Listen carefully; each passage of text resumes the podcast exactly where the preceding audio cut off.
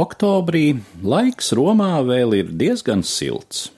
Droši vien tāds tas bija arī 1764. gada 15. oktobra novakarē, kad kāds vēl pajauns cilvēks, pēc izskata spriežot turīgs ārzemnieks, sēdēja uz senas celtnes fragmenta kapitolija drupās un apcerīgi vēroja sen pagājušo laiku varenības liecības sev visapkārt. Sik transit gloria mundis. Tā paiet pasaules godība.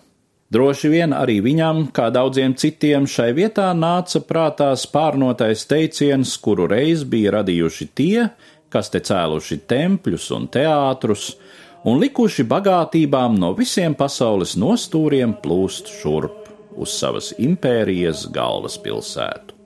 Tā sēžot, jaunais cilvēks izdzirdēja rimtu un ritmisku dziedājumu, kas plūda no Jupitera tempļa drupām.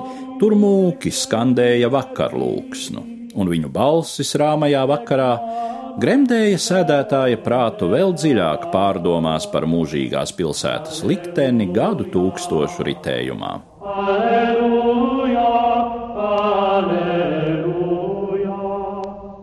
Nu jau vairākas dienas jaunais cilvēks uzturējās Romā un neapnicis klīda šais drupās, iztēlodamies, kurreiz Romuls apstājies izvēlēdamies vietu apmetnei, kur līdzpilsoņus uzrunājis Cicerons, kur Cēzars sabrucis nodevīgo dunču ķerts.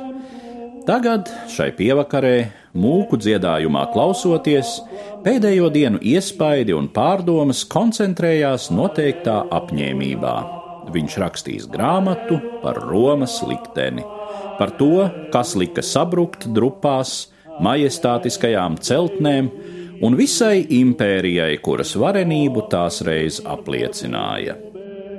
Aleluja, aleluja.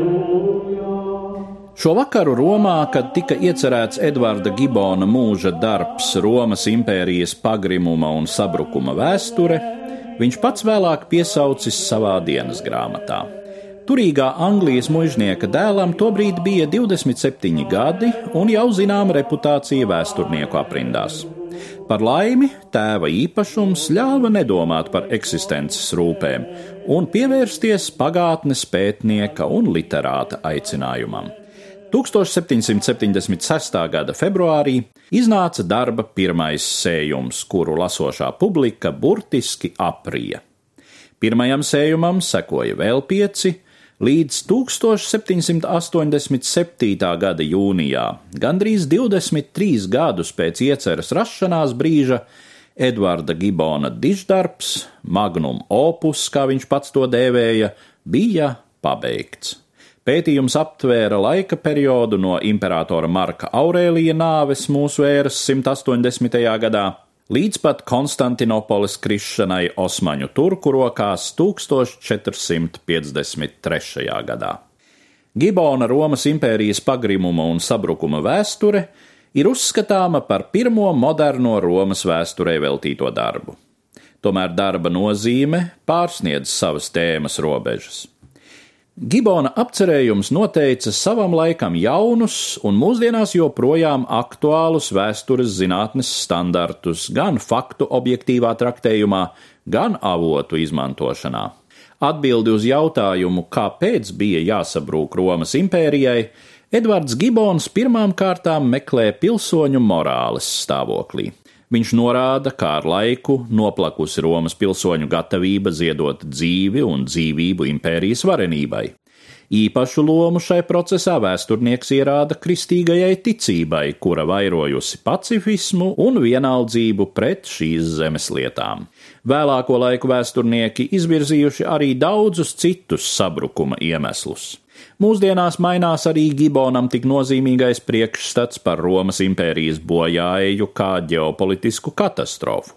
Pats būdams impēriju laikmeta bērns, Gibons saskatīja impērijā īpašu vērtību, kamēr šodienas pētnieki bezskaislīgi secina, kāpēc Romas impērijas bojāējas daudzās tās provincēs iedzīvotāju dzīves kvalitāte tikai uzlabojusies un kā Romas sabrukumu lielākoties nožēlojuši tie, kuri līdz ar to zaudēja konkrētus varas resursus.